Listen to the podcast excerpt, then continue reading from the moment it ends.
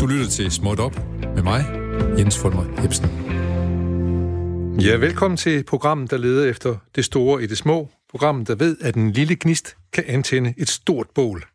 Programmet, der ved, at dagen først er rigtig fuld ind, hvis den indeholder mindst en bossa nova.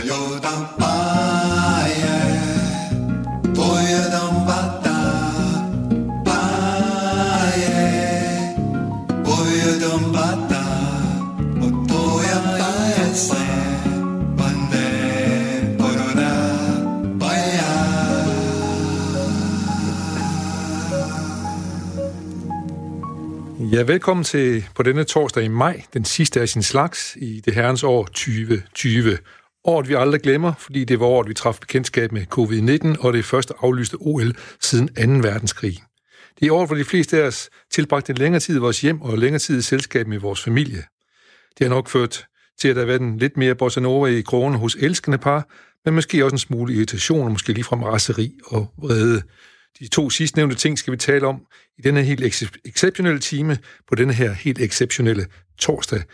Vi har talt med øh, den norske forfatter Monika Isakstuen lidt tidligere på dagen i et båndinterview, som kommer om lidt, og så har vi her i studiet besøg af, af Henrik Høgh Olesen, som er professor ved psykologi ved Aarhus Universitet. Jeg skal lige sige pænt goddag til dig, Henrik. Jo, tak skal du have. Ja, jeg, jeg skal lige spørge dig, der står i en lille parentes her, at du øh, er special i evolutionær psykologi. Hvad er det lige det er for en størrelse? Jamen, evolutionen, det er jo ligesom menneskets udviklingshistorie. Altså, det, jeg har interesseret mig for, det kan du sige, det er det menneskelige artsvæsen, og det er også, hvordan vi er blevet til dem, vi er.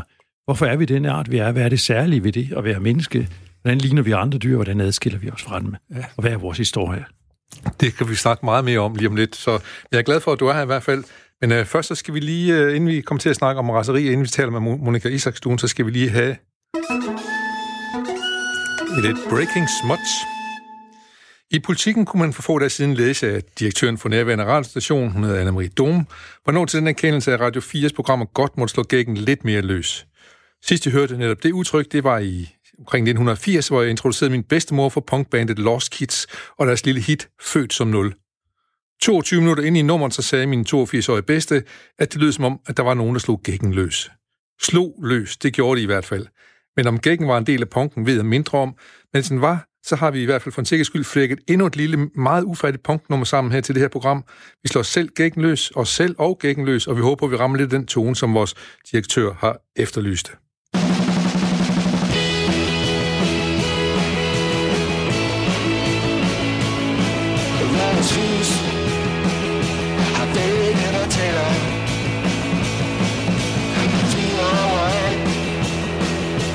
Sailor Five minute gin Som om at det var saftevand Tyre gin Som om at det var saftevand Mens min mor Hun tror Ja, min mor tror Hun er jeg her Hassan Hun er jeg her Hassan Jeg er lige fyldt 12 men jeg er kold, kold, kold Jeg prøver bare at Som en mand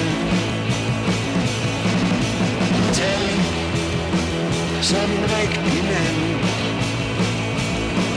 Men sin mor Hun tror Ja, min mor tror Hun er jeg her, Hassan Hun. Er jeg her, Hassan Og hun synes og det var bra Og der Susanne Brygger Sus Susanne Brygger. Men jeg tager det som en mand Imens min mor Hun tror Hun er Lakia Eller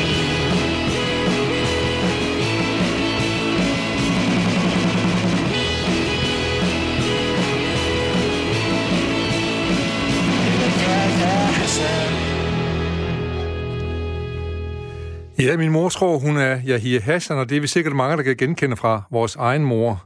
Øh, demosangen blev her blev leveret af bandet Småt Op, og du lytter netop til Småt Op, og Radio 4 taler som bekendt med Danmark, og vi taler med alle slags stemmer. Skriv ind til os, hvis du har lyst til lille snabelag radio4.dk. Jeg kan lige spørge dig, Henrik, har du nogen erfaring med, med Pong, der du ved med om, om redder og raseri, jo, men Ja. Pong er vel også... Jamen, det er også en del af min baggrund, kan du Ja, sige. Ikke? ja. Jeg boede i, i London på et tidspunkt, ikke? Og, og der var punken jo meget sådan, det var i 80'erne, ikke? Så der var den meget i vælten, ikke? Ja, Og jeg blev også meget revet med, da Sex Pistols kom, ikke? Og jeg har været Dead Kennedys, ikke? Der har været flere af dem. Ja. Og, og senere kom jeg også til at godt kunne lide øh, dødsmetal og trash metal og sådan nogle ting igennem min søn, ikke? Så jeg kan godt lide rock. ja, og så har du fået danset noget pogo, og så er det ikke det, de gør Jo, også, når det er de... det, man gør. Sparker lidt til en ende, Ja. ikke? Vi, øh, vi vender frygteligt tilbage til det, men jeg er glad for lige at få punkten så en lille smule på plads her. Det er, øh, og en, en psykolog, som også kan fortælle os, at det rent faktisk også er måske er vrede sat i form. Ja, det kan, sådan kan vi jo godt kalde det. Det er jo et stort engagement i hvert fald, ikke? men Ja. ja. det er jo rigtigt nok. Altså, det, den baserede, engagementet baserer sig jo i stor udstrækning på frustration og vrede, ikke? Også, ikke? Og, og oprør. ja, Godt. Øhm, for at forberede mig på det her tema, så øh, gik jeg for lidt tid, for, for et stykke tid siden ind i øh, øh, Stortorp i boghandlen der, en meget Peder bogbutik, og jeg osede rundt for at finde noget, som kunne gøre mig lidt klogere, og måske endda gøre karantænetiden lidt sjovere også. Jeg købte selvfølgelig den nye tobinds udgave af Boccaccios Decameron i Thomas Harders fine oversættelse, og den seneste krimi om den hervede og nu pensionerede skotske detektiv John Rebus, skrevet af Ian Ranking. Og så var det, at jeg kom forbi et display, hvor der stod en roman. En lille håndskreven note titlet frem. Det var en af de ansatte i boghandlen, som havde skrevet en anbefaling af en bog forfattet af den norske Monika Isakstuen. Der stod, jeg elsker denne bog. Et kæmpe forløsende raseribrøl. Genial læseoplevelse. Ja, det stod der på sædlen, så den måtte jeg selvfølgelig læse, fordi romanen hed Raseri. Og på bagsiden af bogen, der kan man læse, at det er en fortælling om den tabubelagte, tabubelagte vrede, forældre kan føle mod deres børn. Hovedpersonen møder en mand og får en datter, men så går de fra hinanden, hun møder en ny mand, og de får tvillingedrenge og køber et 200 år gammelt stort hus, der skal renoveres. Hovedpersonen vil så gerne være sød. Hun siger det til sig selv i sengen om aftenen, men hun kan ikke styre sin temperament, hun skal ud på sin mand, hun skriger sine børn og holder dem fast mod gulvet. Hun eksploderer, når en ny del af huset falder fra hinanden. Hun er bange for sine egne hænder. Hvordan kan man elske nogen, så de virkelig kan mærke det, spørger hun. Og vi har talt med Monika Isakstuen om netop det. Men inden vi øh, øh taler om øh, med Monika Isakstuen, så kan det godt være, at øh, jeg, må sige, at jeg været bogen, gik hjem og læste den, og, og så ringede jeg til Monika Isakstuen, som sagt. Øh, det kom til at handle om, her kom til at handle rigtig meget om, øh, om, om vrede og, og raseri. Så for at bare stå lidt imod, så skal, kan vi måske godt lige nappe en lille forebyggende kort bossa nova.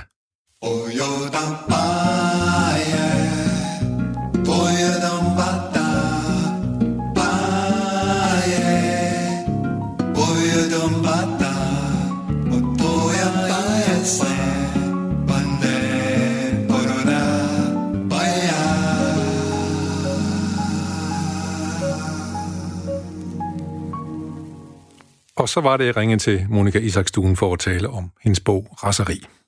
Hvordan tænker du, at, at, at raseri er tabu? Hvordan udtrykker det sig? Ehm, at det er et tabu, det uttrykker sig i kroppen, tænker jeg først og fremst som øh, skam. Eh, og kanskje særlig da, jeg tror denne boken handler jo om en kvinde Ja. som, eh, som er sint, og som ikke forstår hvor sinne kommer fra, eh, raseriet. Ehm, og som på en måte føler at det går på tvers av alt hun skal være som mor, eh, også som, ja, som mor, som kvinne. Ja, Eh, ja, raseri er jo på en måte å Ja. ta, tape seg selv, ikke sant? Ja. Men, men, Mm. men, men det, du, det, du øh, beretter om, er, at, at fordi hun er rasende, så det er, forbudt at, det er forbudt at være rasende. Ja, på en måte. Ehm, jeg er ikke sikker på lenger altså jeg, jeg føler at vi har kommet et stykke Ja. eh, ehm, på vei når det gjelder å vise andre sider ved morsrollen. Eh, men det å være sint er fortsatt noe veldig fortsatt noe veldig skamfullt. Det er jo på en måte det for alle mennesker, eh, ikke bare kvinner, men også menn. Nej. Um, Det er jo tap av kontroll. Eh, Man mister ansikt. Um, Og for en, eh, altså for en mor tenker jeg at det er verre, fordi at man eh, Forventningene til en mor, til hva man skal være, til hva den rollen skal fylle, er, eh, er, helt, er annerledes da, enn for, eh, for menn. Jeg tænker om, øh, om, om, om kvindens raseri er medfødt. Eller, altså ikke, ikke alle kvinders, men Øh. din hovedpersons. Ja, altså raseri, Jeg tenker jo at det finnes sikkert mennesker som er roligere enn tror og mer pragmatiske. men eh, men jeg, eh, jeg kan godt kjenne meg igjen i eh, denne fortvilelsen over raseriet og, og frykten for, for å miste kontroll og, og ikke sant, hvor skal det ende. Men så ja, jeg tenker at raseri eh, kanskje ligger der mer hos noen enn hos andre. Ja. Um, og det kan sikkert temmes, men jeg er ikke sikker på om, um, om vi alltid skal gjøre det. Uh, jeg er jo opptatt av å forsøke å vise vise raseriet for å gjøre det mindre farlig. Um, det jo, å være sint er noe man er veldig alene om å være i det øyeblikket. Ja. Ja. Men jeg, jeg, jeg, jeg spørger også, fordi øh, din hovedperson går jo til psykolog, eller hun kalder ham ikke psykologen. Altså, hun tror, Ja. der, der ligger en form for helbredelse, som er mulig ved at tale med nogen, måske. Og, Ja. og, og øh, man kan også tænke sig, er det noget samfund, de, øh, er det, er det samfunds øh, forskyldt, at man bliver rasende, eller er, er, er det samfundet, der skal laves om, eller er det personen, der skal laves om, kan man sige? Ehm, jeg tror at jo mer samfunnet forteller deg at uh, altså, vi, vi, lager, vi lager oss mange strategier, uh, sikkert i Danmark også, som i Norge, for å oppdra barn uh, eller helst ikke oppdra dem, men oppdage dem. Ja, ja, som det heter. um, ikke sant? Det ligger i språket. Man skal, man skal ha et um, man skal ha en flat struktur i familien. Man skal ikke lenger Man skal så langt som mulig vekk fra den autoritære foreldrerollen.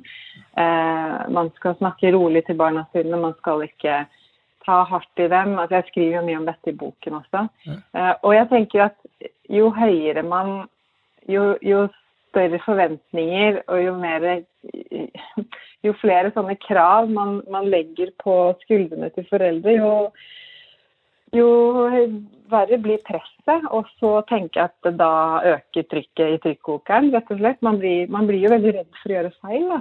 Mm. Eh, og det er noe av den, det er jo noe av den eh, følelsen som jeg også forsøker å beskrive i boken, at eh, når forventningen om hva man skal være, krasjer så totalt med hvordan realiteten er, så blir det en sånn avgrunn mellom de to Ja, mellom det man vil og det man gjør. Da.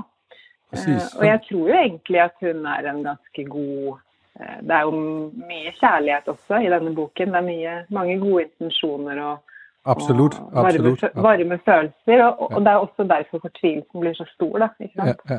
ja fordi jeg, jeg, jeg tænker lidt om, om, om raseriet fylder mere i hovedpersonen, end den fylder i hele familiens historie. Altså om det, at det fylder så meget for hende, at hun ikke, næsten ikke kan se alt det gode, der også sker.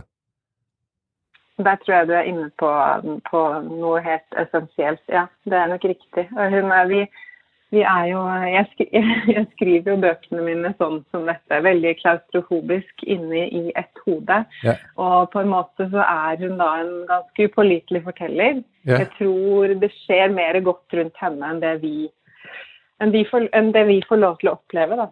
Ja, Eh, Hun er veldig låst, lammet av sin, eh, av sin frykt og sin, sitt blikk på seg selv. jeg kan godt lige tænke dig hen, hen mod slutningen her, lige tale med dig omkring moderskab. Der, det, er jo vældig, Mhm. det er jo vældig tema for den her bog, at man gerne vil have et perfekt moderskab og en fin kernefamilie og et pænt hus. Mm.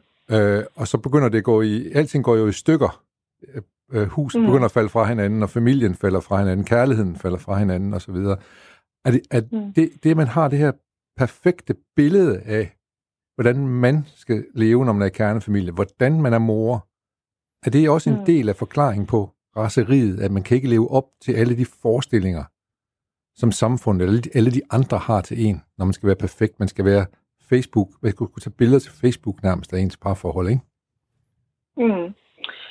Ja, jeg tror eh, Altså, jeg har eh, Jeg tror egentlig ikke at hun er så optaget af den fasaden og det, eh, det fine huset. Det føles som om hun er mere, eh, altså føler sig presset av det.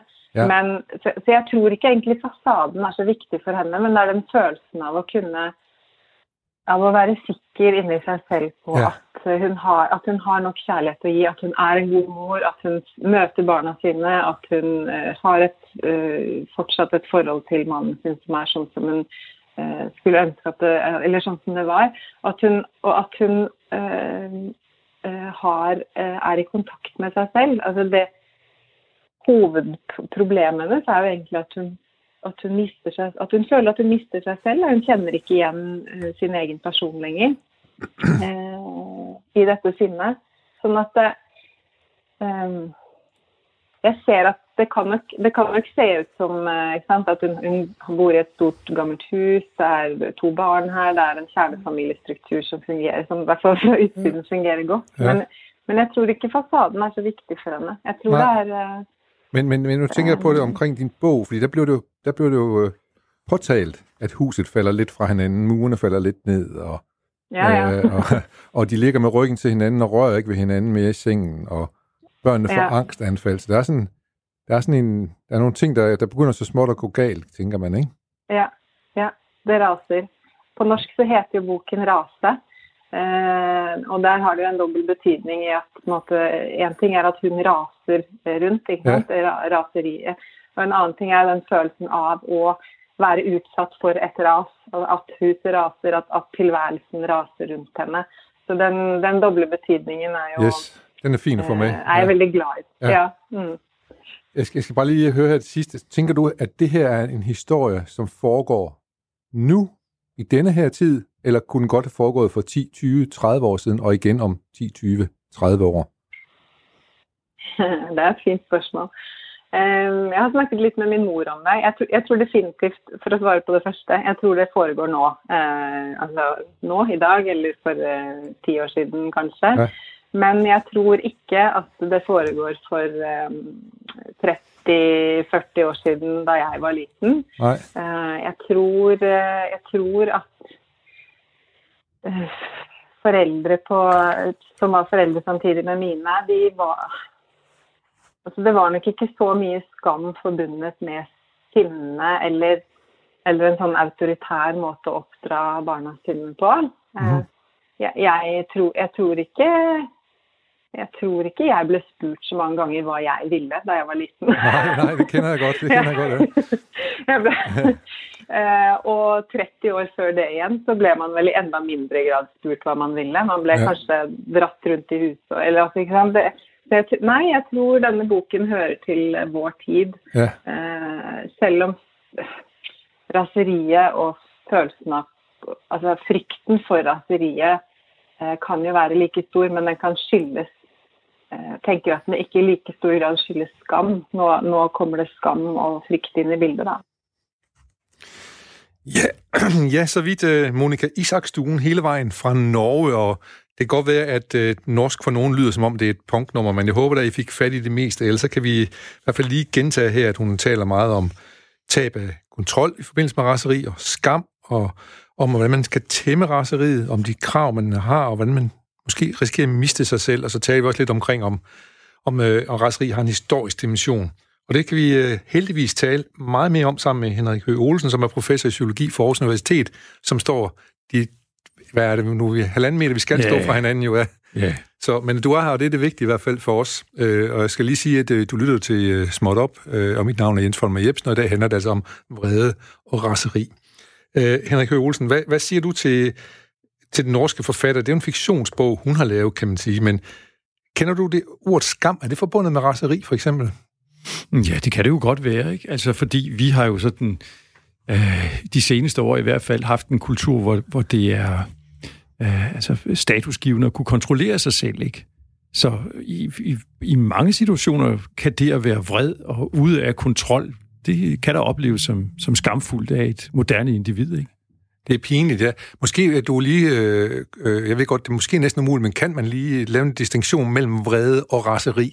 Ja, det kan du nok godt, ja. fordi altså, vrede er jo sådan noget, altså skal vi sige, som man godt kan gå og, og, bygge lidt op. Altså du kan gå sådan i dit stille sind, ikke, og blive mere og mere irriteret over noget, fordi det langsomt går op for dig, at du er blevet forurettet, at du er blevet krænket, ikke? Så det kan være sådan en stille vrede, som vokser, og den kan du bære over længere tid. Hvor raseri er, er noget mere sådan eksplosivt. Du kan sige, det er samme følelse, ikke? men den er nu altså fuldt udfoldet, og den er fuldt udfoldet på et øjeblik. Og det kan være i de situationer, hvor altså noget fuldstændig voldsomt pludselig frustrerer os. Ikke? Altså se en fodboldkamp, ikke? Og, og se en, der ligesom spænder ben for en anden, ikke? som er lige i position til at kunne score og så videre. Ikke? Og straffe. Og, ja, ja, og hvordan han står helt op i hovedet af den anden, ikke? på et splitsekund, Ja. ikke? efter han har rejst sig. Ikke? Fordi nu er han i raseri, ikke? nu er Ja. han ude af sig selv. Ja. Så vi kan godt lave en lille distinktion der, men det kommer fra samme kilde på den ene eller anden måde. kilde, Ja. ja. Er der andre ting, der kommer fra den kilde også? Øh? Jamen, der kommer rigtig meget godt fra den kilde, fordi Ja. hvis du nu går til kilden som sådan, ikke, så er du jo i følelserne.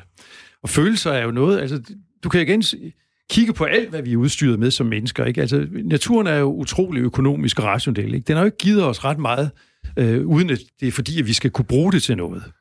Og alle følelser skal vi kunne bruge til noget. Ikke? Vi bruger dem til at navigere efter.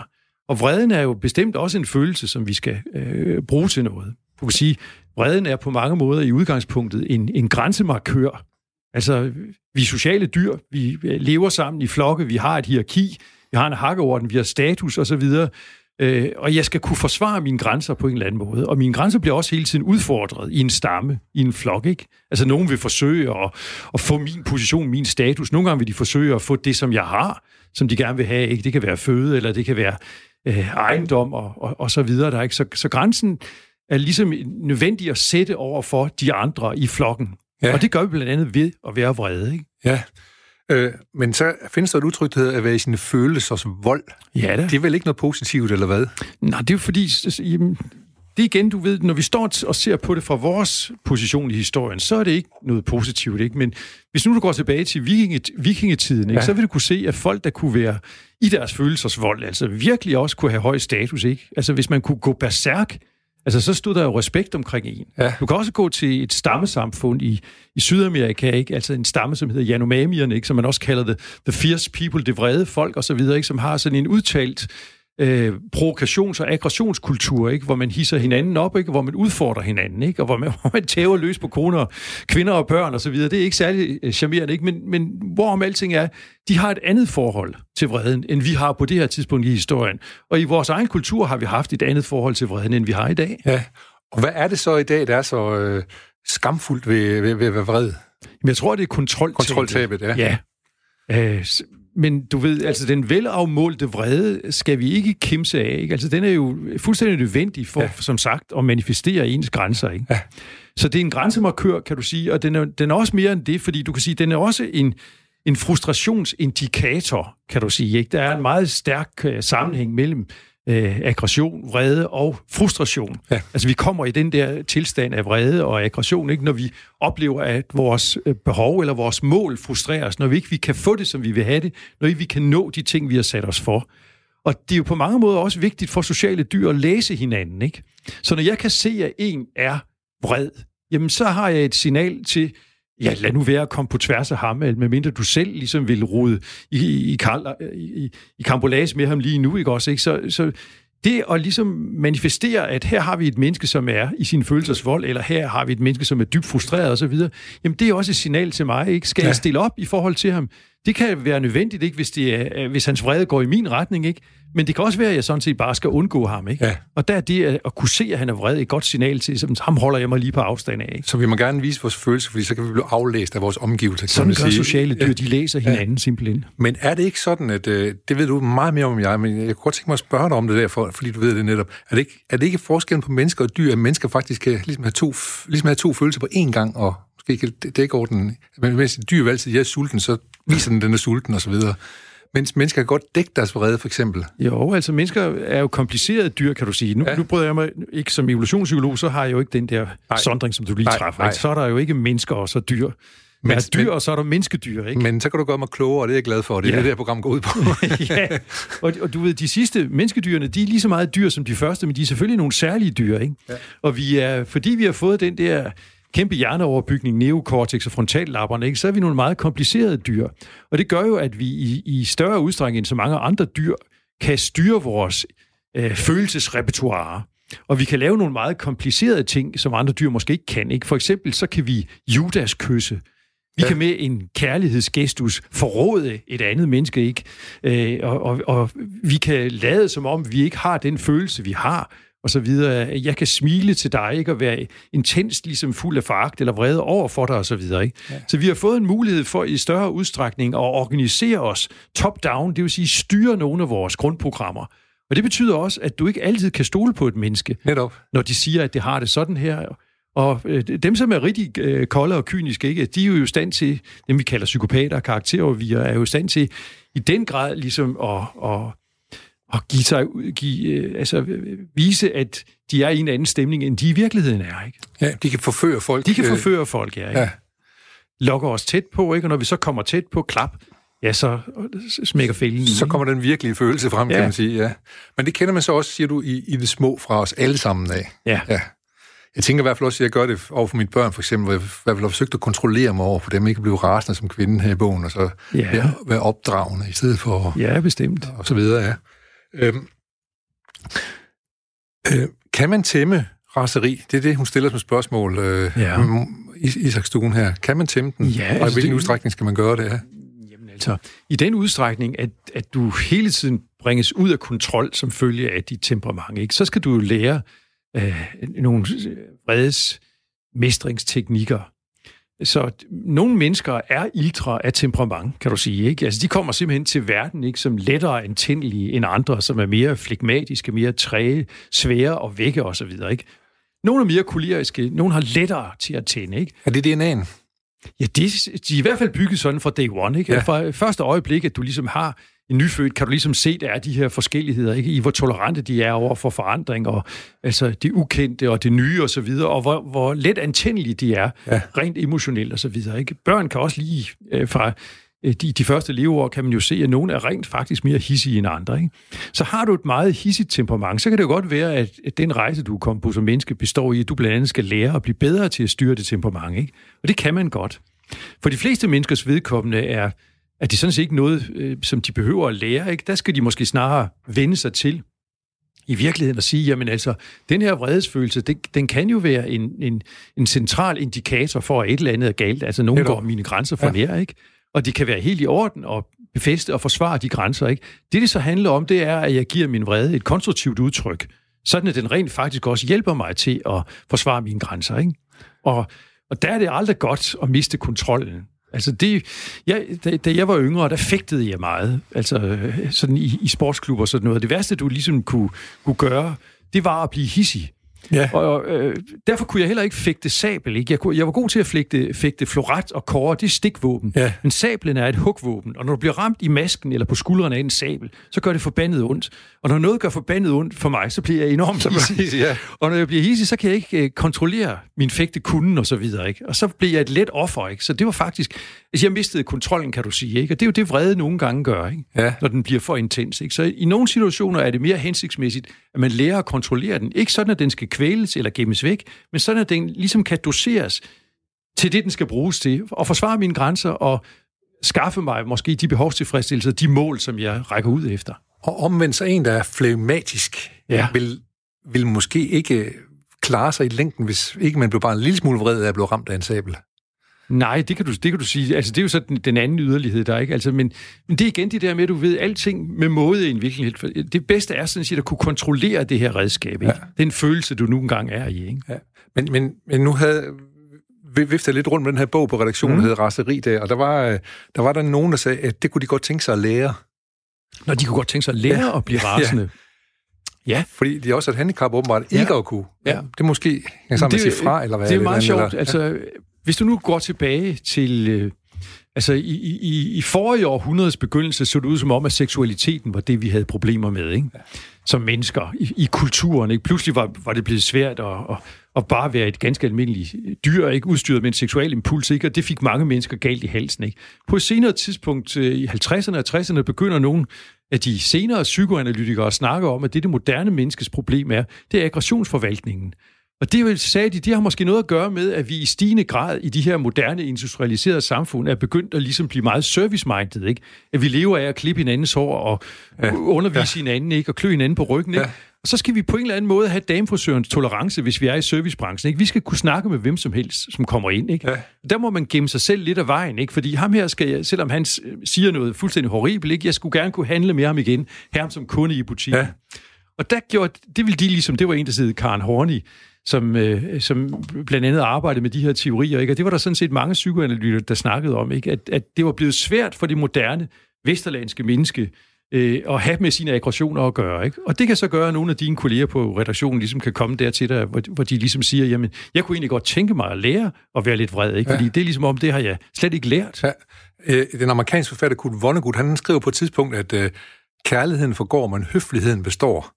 Og ja. det, som jeg tror, de, øh, mine kolleger her på stationen taler om, det er måske, at de er blevet for høflige. Ja, det kan sagtens være. Øh, fordi kærligheden, den kommer jo en helt anden, det er jo en helt anden ja. form for udtryk, den har en høflighed. Ikke? Men, men vi har en sjov kultur på mange måder. Ikke? Altså, jeg, jeg går sådan lige mit stille sind og arbejder med en, en ny social karakter. Altså så det hypersensitive, øh, det hyperfølsomme menneske, som er sådan et slags glasmenneske, som meget let krakelerer, ikke?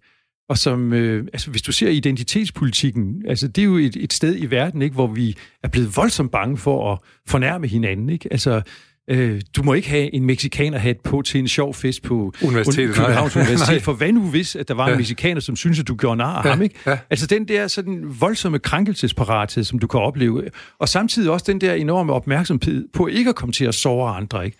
Altså det er som om, at vi slet ikke rigtig kan finde plads til aggressioner i et fornuftigt forhold, ikke?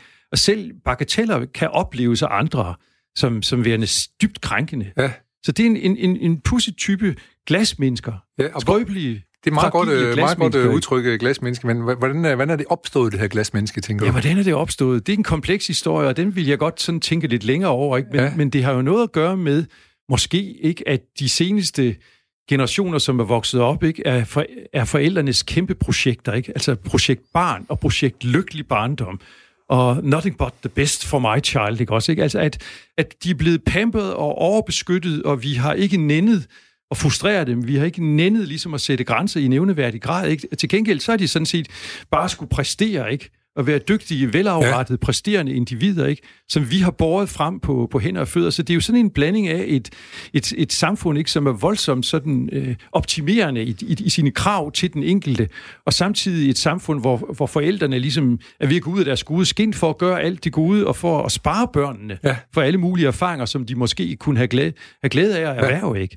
Så et eller andet med, med, med noget ændret øh, opdragelse er sikkert en af årsagerne ja, det må til helt klart have en, stor betydning. Men, men er det, er det må i virkeligheden knap så meget et glasmenneske i sig selv, som stiller de her krav, eller er det nogen, som stiller krav på vegne af glasmennesker? Ja, det, det er også et godt spørgsmål. Øh, i, der er jo en masse, hvad skal man sige, krænkelsesarkeologer, ikke, som er parat til at grave meget dybt i historien for at finde et eller andet. Ikke? Ja. Og der tror jeg, man skal tænke på den gode sang af The Mind of The Minds of 99, ikke? Altså, alle skuffer over tid, ikke? Ja. Så graver vi længe nok, så finder vi jo noget på os alle sammen. Ikke? Ja. Så nogen er ligesom parat til at blive meget, meget indigneret og vrede og krænket ja. på andres vegne. Ja. Ikke? Det, har, det kan du have ret i, ikke? Og, det, og, og der kan du se et, et meget sådan let vagt, aggressivt beredskab, ikke? Fordi de kommer så efter dem, som de mener krænker. Ja. Øh, og så har de også et sted at, at, at, at få deres egen aktivisme, øh, hvad skal man sige, rigtigt, en ja. kanal til den, ikke? Ja. Så om, om, ja. du, øh, om, om de her, øh, du ved, glasmennesker, ikke? Altså, hvor mange der er af dem, ikke? Og hvor mange, der ligesom arbejder på deres vegne, ikke? Altså, det er jo det svære spørgsmål, ikke? Altså, hvor udbredt er det her fænomen, ikke? Og ja. I hvor stor udstrækning er det noget, der trives i bestemte subkulturer, ikke? Ja. Små segmenter af, af veluddannede og, og, og også meget privilegerede mennesker, ikke? Fordi det kræver også... Øh, altså, det er også virkelig først world problems, ikke? Det må man sige, nogle af dem, ja. ja. ja, Altså, jeg har haft nogle samtaler blandt med, øh, jeg har haft en lille politisk lille skole, hvor jeg har forsøgt at, at lære mm. noget blandt af, af samfundsforsker Johannes Andersen, hvor jeg spurgte ham, hvad der bliver den gode, gamle, venstre, højorienterede ja. øh, akse og hvad hedder det, øh, konfrontation. Den er jo så, siger han, den er ved at blive afløst af netop identitetspolitikken i stedet ja. for. Ja. Ja. Øhm, men han siger så, han finder så også nogle, øh, og det kan være, at du, et eller andet sted, du måske også kom forbi det, han siger også, der ligger krav til unge mennesker der om, at, at de kan få et spændende liv. De har alle muligheder. Ja. Og det gør, at man bliver sårbar, fordi hvad nu, hvis man ikke får et spændende liv? Ja. Altså, det, og hvad skal jeg vælge for, at det bliver spændende? Ja. Men det er jo på, det er jo på mange måder et, et, et, øh, et privilegeret problem, kan du sige. Ikke? Men, men, men nok et problem, som også godt kan tage pippet fra, fra mange. Ikke? Fordi, jo, altså 15-årige piger, eller hvad ja, det er, sådan noget, ja. Ja, altså det er nemt Altså, hvis det er dit ansvar at få et godt liv, og hvis du hele tiden får at vide, at du har alle muligheder, jamen så ligger der pludselig også et betydeligt ansvar på dine skuldre, ikke, for at det her det så skal gå godt. Ja. Ikke? Men, men der er det jo også sjovt, ikke? Hvordan man, man har jo også på mange måder nogle... Men det har, det har vi mennesker sådan set til alle tider haft, altså. Altså, det er jo det der igen med, du ved, at way back, ikke? Er vi sociale dyr, ikke? Ja. Det vil sige, at vi er meget opmærksomme på hinanden, ikke? Ja. Så vi, vi kommer meget let til at efterspørge det samme, ikke? Og det Ja. bliver derfor tit nogle meget sådan simple formler for det gode liv, ikke? Ja. Øh, men til gengæld også nogle svære formler, ikke? Altså hvis du nu, og så, så har vi den her moderne øh, sociale medievirkelighed, ikke? Hvor, hvor hele verden pludselig er blevet vores peer group, ikke? Altså Ja. dem, vi kan sammenligne os med, ikke? Prøv nu at tænke på sådan en faktor som udseende, som jo varierer mellem mennesker, ikke? Ja. Hvis du så igen tænker på, jamen, det der er vores udgangspunkt, det er, at vi vokser op i stammer på mellem 30 til 60 individer. I sådan en stamme, jamen der vil du og jeg altså sådan set klare os udmærket. Ja. Udseendemæssigt. Ikke? Vi Ja. ja. vil ikke være helt i top, vi vil heller ikke være helt i bund. Nej. Det skulle nok lykkes for os Vi skulle nok, øh, at få en, vi skulle nok en, en, en partner. Ikke? Ja, ja. Men hvis du så rykker ind i en moderne virkelighed, ikke, hvor det ikke er 30 til, til 60 mennesker, du skal konkurrere med, men hele verden, og hvis det samtidig ligesom, dem du skal konkurrere med, det er den promille af fuldstændig øh, gen-exceptionelle individer, ikke, som har en, en, altså en genkonstellation, som er fuldstændig enestående, ikke, ja. hvor de er så smukke, ikke, hvor de Ja. både kan være langbenet, ikke, og ræde maver og have store bryster og på alle måder være perfekte. Ja. Ikke? Hvis du pludselig får den idé, fordi du møder de her væsener hele tiden på de sociale medier, ikke? at det er sådan en, du skal ligne, Ja. men så er det meget let at føle sig for lille og for dårlig og for ringe og på alle måder kassabel, ikke? Ja. Men det du glemmer, det er, lige nu har du ikke de der 30-60 almindelige mennesker at sammenligne med. Nu har du pludselig hele verden. Ja, Ja, og af det- den enorme population har vi taget den lille promille, som er fuldstændig exceptionel, Ja. ja. fordi dem vi møder, Eller i hvert fald i stand til at få sig selv til at se exceptionelt ud. Fuldstændig, ja. Fordi dem, vi møder i de, de her medier, ikke? Og, og der har vi så fået en, en meget kunstigt skabt, hvad skal man sige, konkurrenceproblem, som, som ikke er et reelt konkurrencefaktor, men som alligevel bliver en konkurrencefaktor, som du kommer til at måle dig selv ud fra, ikke? Og det er fordi, jeg, undskyld, det er fordi hjernen tror, at det, du gentagende gange ser og møder, det er jo nogen, du kender. Så du glemmer simpelthen, at de her væsener ikke er relevante for dig i, i virkeligheden, for de er ikke nogen, som er din peer group, ikke? men fordi du har gentagende gange set dem, ikke, så kommer du til at sammenligne dig med dem. Ja. Øh, øh, der, der er flere, der har nævnt for mig også. Jeg, jeg prøver på sådan at samle sammen, fordi jeg skal lære noget. Så jeg, jeg suger jo til mig alt, hvad du siger. Jamen, det er da dejligt. Ja, og der, så er der så også nogen, der siger, at øh, de, de voksne... Øh, altså, man, man beder børn om at opføre sig som voksne, mens de voksne opfører sig som børn. Ja. Det er også et problem, ikke? Altså, siger det. Du kan, du kan sige... Jamen, det er en kompliceret tid, ikke? Og vi, kan- vi kan sgu sådan set, vi kan tage mange vinkler på den, ikke? Du kan sige, at det er som om, at ungdommen stjæler fra alle aldre, ikke? Ja. Altså, børn er ikke længere børn, ikke? De sidder og ser teenageprogrammer, ikke? Og kan ikke vente med at blive teenager hurtigt nok, ikke? Og, og, og voksne er ikke voksne. Altså, og farmor er ikke længere farmor, ikke? Hun har lige fået en ny elsker og fået farvet hår, ikke? Og skal nu til Ibiza her Ja, til ja, sommer, ja, ikke? ja. Også, ikke? Og, og leve den tredje alder for, for fulde gardiner, ikke? Og har mulighed for det, ikke? Som teenager. Ja, så, så, så hun er ikke længere den farmor, der var. Ikke? Så du kan sige, det er som om, at den der ungdom, den har stjålet fra alle aldersgrupper. Ikke? At vi alle vil være unge, Ja. og dermed også ligesom have den her, øh, det her selvoptimerende liv. Ikke? Ja. Det, Men vi kan ikke alle være unge, og der er også nogen, der skal være voksne. Ikke? Der er også nogen, der skal være ældre og gamle og fornuftige og modholdende og alt muligt, ikke? og ofre sig. ja. Og det er måske sværere for et moderne Ja. menneske. Ikke? ja, det er svært at være voksen når, som voksen. Ja. Ja. Og det er også svært at acceptere, som du Ja. siger, at man, ældes. Ja. Ja. Men hvordan de her ting blander sig og giver de her komplekse glasmennesker sig, det er noget, jeg skal have tænkt meget længere Ja. ja. over. Ikke? Fordi det er bare ligesom et, et metafor, jeg sådan er begyndt at, at arbejde med, fordi jeg, jeg synes, jeg ser så mange skrøbelige unge. Ikke? Altså i særdeleshed øh, pigerne. Ikke? Ja. Altså hvis du så en, et, et, en, nogle af de seneste opgørelser, viser jo, at 46 procent af, af pigerne, de har været til psykolog som Ja. ja. 19-årige. Ja. Hvor jeg siger, jamen det er jo altså 40 procent for meget. Ikke? Ja. Altså hvis vi skal til psykolog som 19-årig, ikke? Altså, så er der Eller et eller andet... 40 også, ikke? Altså, ja. Ja, så er der altså virkelig en, øh, altså en, en overfølsomhed, ikke? Altså, Ja. Ja. i gamle dage ville man jo have klaret det øh, med sig selv og sine venner og veninder og forældre og familie og så videre, ikke? Altså have nære samtaler, ikke? Og vi ville også måske i gamle dage have en større accept af, jamen livet er jo også noget shit en gang imellem, Ja. ikke?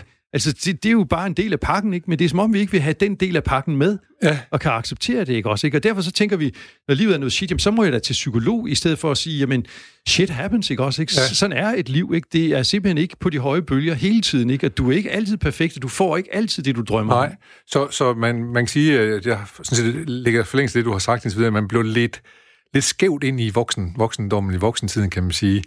Ja. Samtidig med, at man også er blevet bedt om at forholde sig til karriere allerede i 4. og 5. klasse, om hvad vil du være, når du bliver stor? Og sådan noget, og Fuldstændig ikke, at du skal være alvorlig Ja. øh, i din karriere, vel allerede på et meget, meget tidligt tidspunkt, ikke? Altså, øh, I stedet for at, at, at, at, at ligesom sige, at ungdommen er også de år, hvor vi bliver kloge på os selv, ikke? og det er også de år, hvor vi kunne have mulighed for dannelse, ikke?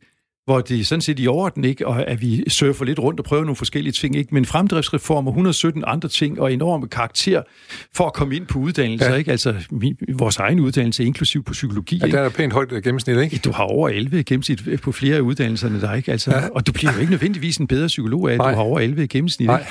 Det gør du altså ikke. Nej. Altså, hvad vil der ske, hvis vi sagde, at gennemsnittet skal være syv, ikke? Og så tog vi nogle så tog vi nogle samtaler, vi tog måske nogle tester, nogle prøver, ikke, for at finde nogen, som var egnet, ikke? Ja. Altså, vi vi ikke så få nogle lige så gode psykologer, ikke?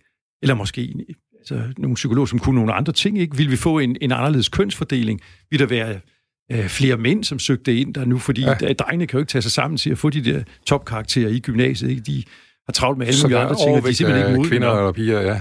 Ja, ja. ja. Men det er sådan nogle ting, altså det, det, det er sådan noget, som man kan begynde langsomt at, at samle op på, og se, det har altså gjort nogle forskelle, øh, at vi har pacet folk, ikke og tvunget dem til at være fornuftige og, og, og måle, målrettet altså ja. meget, meget, meget ja. tidligt. Ikke? Det har nogle omkostninger. Vi taler vrede og øh, raseri øh, med udgangspunkt i en roman af Monika Isakstuen, norsk forfatter. Øh, jeg har Henrik Høgh Olsen, professor i psykologi ved Aarhus Universitet, øh, her i studiet, og vi, øh, jeg vil sige, vi snakker om meget mere end det efterhånden, og det er jo, det er jo dejligt spændende. Du lytter til Småt Op, mit navn er Jens Folmer Jebsen. Jeg skal lige høre, du introducerede et begreb, som hedder glasmennesker eller glasbørn. Børn, som er særligt skrøbelige, og du siger, det bliver flere og flere af dem. Glasmennesker i det hele taget. Ja. hele taget, ja. Hvad er, øh, hvad er, øh, hvad skal sige, hvad er kuren mod det? Ja, det må du sgu nok spørge ja, om. Ej, jeg ved altså, det godt, det kan, hvis du vidste det, så... Det, det, ja, det, øh, I første omgang skal jeg være helt men, sikker okay, på... Hvad er diagnosen så? Den har vi været lidt inde på. Ja, ja, jeg skal være helt sikker på, at vi har et fænomen, ikke? Ja. men hvad kuren så er... Altså, i, et skud fra, fra hoften er jo noget med, at vi skal måske vende os vores... Vi skal måske passe på med det at fjerne alle forhindringer fra vores børn. Ikke? De skal ja. nok ikke køres og bringes hele tiden, bare fordi det regner Nej. en lille smule. Ikke? Altså, de skal nok have lov til en gang imellem at være kede af det og være triste og så videre. Ikke? Ja. Altså, vi skal nok ikke regne med, at vi kan spare dem for alle mulige udfordringer. De skal nok også en gang imellem have lov til at, at risikere at gøre noget forkert, ikke? Ja. Som vi andre, vi, vi risikerede, når vi løb omkring, ikke? At fare vild og, og komme galt afsted med, op i træ og med ild og forskellige andre steder, ikke? At, ja. at, at de der erfaringer, som vi gerne vil spare dem for, er jo samtidig også nogle af de ting, som hærder os som mennesker, ikke? og som gør, at vi får en frustrationstolerance, ikke? og en vis robusthed. Og en holdbarhed, eller robusthed. Og en vis holdbarhed ja, ja. i det lange løb, ja. ikke også? Ikke? Ja. Altså det der med at spare dem for for meget i den, i den bedste sags tjeneste, det er det jo alt. Vi ved jo, vores børn ja, bedste. Ja. Men det med at spare dem for for meget, ikke? Altså, det er sgu at, at, at gøre dem skrøbelige og svage. Ja, ikke? Ja, det, der skulle det... vi måske prøve at, at hærde dem lidt, ikke? og bjørn, udfordre dem lidt. Bjørntjenester og servicere for meget, kan man sige. Det kunne det være, ja. ja. Jeg skal lige jeg kigge lige på vores tekniker Emil, for han er ja. lige blevet far, så hørte du det? Hørte du efter Emil? Det var godt. Det er meget han... vigtigt, Emil. men, øh, men, men mit spørgsmål, der ligger egentlig også at sige, hvordan undgår vi så, at, øh, at alle de, dem der er børn nu, og er glasmennesker, eller er glasunge osv., de ender med alle sammen at skrive en roman, der hedder Raseri, fordi at, øh, på et tidspunkt, så må de jo sige fra over for det. Så øh, hvordan, hvordan, hvordan, at du har været lidt inde på det, mm. at opdragelsen skal være anderledes, men nu, skaden er jo sket nogle gange. Ja. Så kan man så sige, skal vi så skrive en bog, der hedder Raseri for at komme af med det måske, eller hvordan skal samfundet ligesom forholde sig til de her ting? Jeg, jeg tror, ja. vi skal forstå, at alle følelser er her, fordi de har tjent et formål. De har en funktionalitet, ikke? Altså, vi skal bruge det til noget. Det, det er lige fra det mest. Nogen siger jo også, ikke? det er jo sådan noget, man kunne høre selv. Ikke? Det nytter jo ikke noget at græde, kunne man få at vide, når man var barn. Ikke? Ja. Men det gør det jo rent faktisk. Ikke? Ja, Fordi når du græder, så, så udskiller du endofiner. Ikke? Så ja. igen er det et eksempel, og endofiner beroliger dig og så videre. Ja. Ikke? Så igen er det et eksempel på, at du har sgu ikke fået nogen naturlige funktioner, øh, uden at der er en brug af dem, uden at der er en grund til, at de er der. Ikke? Ja. Så vi skal ligesom lære at komme lidt mere i kontakt med de der følelser, ikke? og så skal vi lære at tage hånd om dem. Ikke? Altså vrede har lov til at være her, ikke? men giv det en form, ikke? Også, så den kan realisere de mål, du har. Ikke? Så du får noget ud af den, så du kan passe på dig selv og forsvare dig selv øh, i konkurrencen med andre, som vil gå dig for nær, ikke? og uden ligesom at være brovtende og stødende og, og på andre måder generende. Ikke? Altså finde ud af, altså du ved, vi lærer at cykle ved at cykle. Ja. Og det er klart ikke, altså hvis aldrig vi cykler, når vi kommer op på en cykel, så slinger det. Og der kan du tit se, at folk, som ikke er vant til at have med vrede at gøre, ikke? De bliver forskrækket over sig selv. Ja, eller, og, og, og der bliver det tit til noget voldsomt noget, ikke? Hvor de kommer alt for, tager alt for meget på vej, ikke? Altså, men hvis man vendede sig til ligesom en gang imellem, ikke? Og markere en grænse, ikke? Altså, og tale lidt, lidt strammere, eller sige, det der, det vil jeg ikke finde mig i, ja. og så videre, ikke? Altså, det er jo sjovt også, når du ser på... Øh, altså på restauranter og sådan nogle ting, ikke? Altså, øh, hvordan nogen ligesom takler altså virkelig dårlig service på vidt forskellige måder, ikke? Jo. Altså, øh, der er tusind anledninger til på en eller anden måde at Hisse op, stille... ja. ja, Ja. både at hisse op, men også at stille op på en almindelig fornuftig måde, ikke? Ja. Øh, men det er noget med frem for alt, øh, forudsætningen for at overhovedet komme i gang med det der, det er jo, at du vil vedkende dig følelsen, ikke? Når du så vedkender dig følelsen, så må du prøve at give den en form og en retning, som kan, så det gør, at den kan bruges til noget, så den åbner døre for dig, ja. ikke?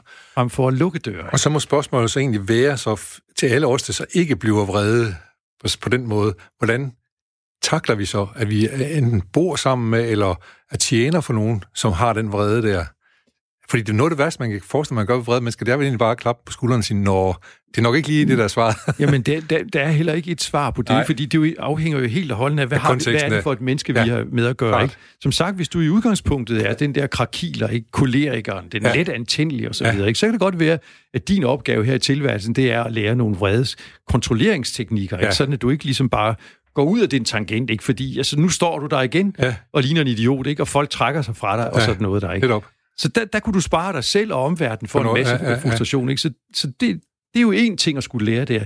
Er du et af de der sagtmodige væsener, ikke, som er, er meget fjern fra sin vrede, ikke? så skal du måske lære langsomt ikke? og mærke efter, at nu bliver du rent faktisk stødt. Og prøv så også Ja, lige og at sige på til det. Ja. den anden, ikke? Ja. at nu bliver du rent faktisk både stødt og ikke kun ked af det. Ikke? Men det giver rigtig god mening. Men det, jeg tænker lidt på, det er, at tit så vrede gange vrede, det skaber jo Ja. Så vi snakker om, en lille gnis skal godt tænde et stort bål. Så hvis jeg møder nogen, der er vrede, så har jeg det jo med selv at blive vred på dem, fordi de skal ikke komme her og være vred på mig eller et eller andet. Og så, Ja. så er det sådan en skrue uden endeagtige ting, kan man sige. Ja. Jamen, der er, der er jo ikke en løsning på Nej, alle. nej, altså, du, ikke. nu, vil du er gerne, nu vil du gerne have fat i psykologautomaten. ikke? Hvad gør vi så der? ja, ja, ja. Hvor putter man penge hen? Du må, du, må, du, må, du må, hvad skal man sige, situationsafstemme dine Klart, reaktioner. Ikke? klart. Og står du er over for en, på. der er lige så tændt, men, men der sker jo tit, det egentlig, synes jeg, at altså, der er jo altså, grænser for, hvor meget hvor mange følelser kan være i et rum, ikke? Jo. Så, så i det øjeblik, at en tænder af, så har det som regel tit en mere beroligende Ja, effekt på andre, ja, hvor de ligesom ja. finder nogle andre sider i sig selv, ikke? Fordi, Ja. ja. altså lige nu nytter det sådan ikke noget, vi alle sammen bare råber, ikke? Jeg tillod mig lige at spørge, fordi det er jo et af temaerne i den her bog. Jeg har desværre ikke læst Nej, det har du ikke, men, men, men, men det skal vi, vi råde både på. Men, men hvad hedder det? Øh, men det er jo netop, hvordan, hvordan de, familien forholder sig til hendes raseri. Ja. Det er hendes problem. Okay. Også at, fordi den, den, de begynder at gå lidt i opløsning, ikke? og børn får angstanfald, og så videre, og så videre. Så, så tænk på, det er lidt, jeg ved godt, at jeg lige spurgte dig noget, som om jeg lå på en briks et eller andet sted, men Ja. det var lidt i forlængelse af romanen der. Men, men jeg tænker også, at en måde, jeg har lært at forholde mig til vreden på, øh, folks vrede osv., det er, at jeg kigger på folk som om, at øh, de lider den sygdom, der hedder berettiget harme. Mm-hmm. Fordi når de har, øh, der er, for eksempel i trafikken, der hisser folk sig jo enormt nemt op. Ja. Og hvis de kan bare få den mindste anledning til at hisse op, Ja. så gør man det samme berettiget harme. Og jeg kommer ja. Til at tænke på også, når du taler om restaurant der, ikke? Hvis ja. Der er den mindste fejl, noget her betalt for det her, hvis der gaflen ja. ligger lidt forkert eller et eller andet, så er det berettiget harme. Og det har jeg hørt, eller det synes jeg, danskere er rigtig dygtige til. Det kan godt være, ja.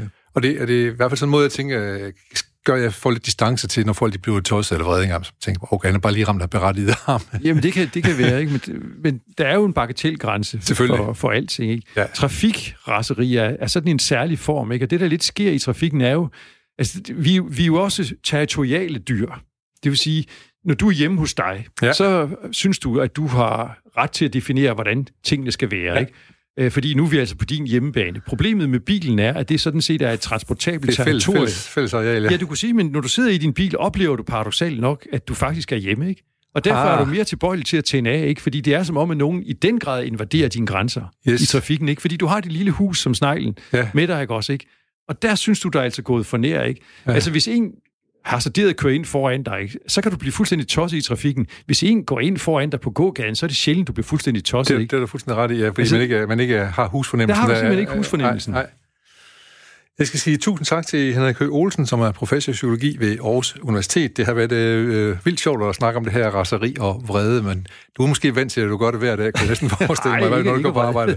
Men, øh, og Men vi det, glæder det var hyggeligt. Ja, men vi glæder os også til at høre om øh, glasmennesker, når du øh, får, øh, får, får, får det. mere ud der. Ja. Øhm, vi er ved at nå til vejs ende. Vi skal tilbage til virkeligheden. Vi skal ud af vores lille småt op boble her. Øh, og jeg er sikker på, at øh, virkeligheden nu, den bliver rigtig god, fordi at, øh, det er jo nemlig øh, den altid gode Signe Ribersgaard Rasmussen, som øh, skal læse nyhederne. Og øh, det kan kun blive godt, når hun holder sig hånden ud. Men vi kan altså lige nå et lille haiku inden vi skal ind til Signe. Ungt løv, hvidt vand, byggen guldner. Og vi tager også et mere, som har nummer 94. Fluer ved lågen, et frugtbart år. Det kan høres. Det var nok for haiku i dag. Det var nok om fred og raseri i dag. Og nu skal vi som sagt tilbage til virkeligheden, hvor vi bliver holdt i hånden af. Og det er jeg glad for. Af Signe Ribegaard Rasmussen. Take it away, Signe.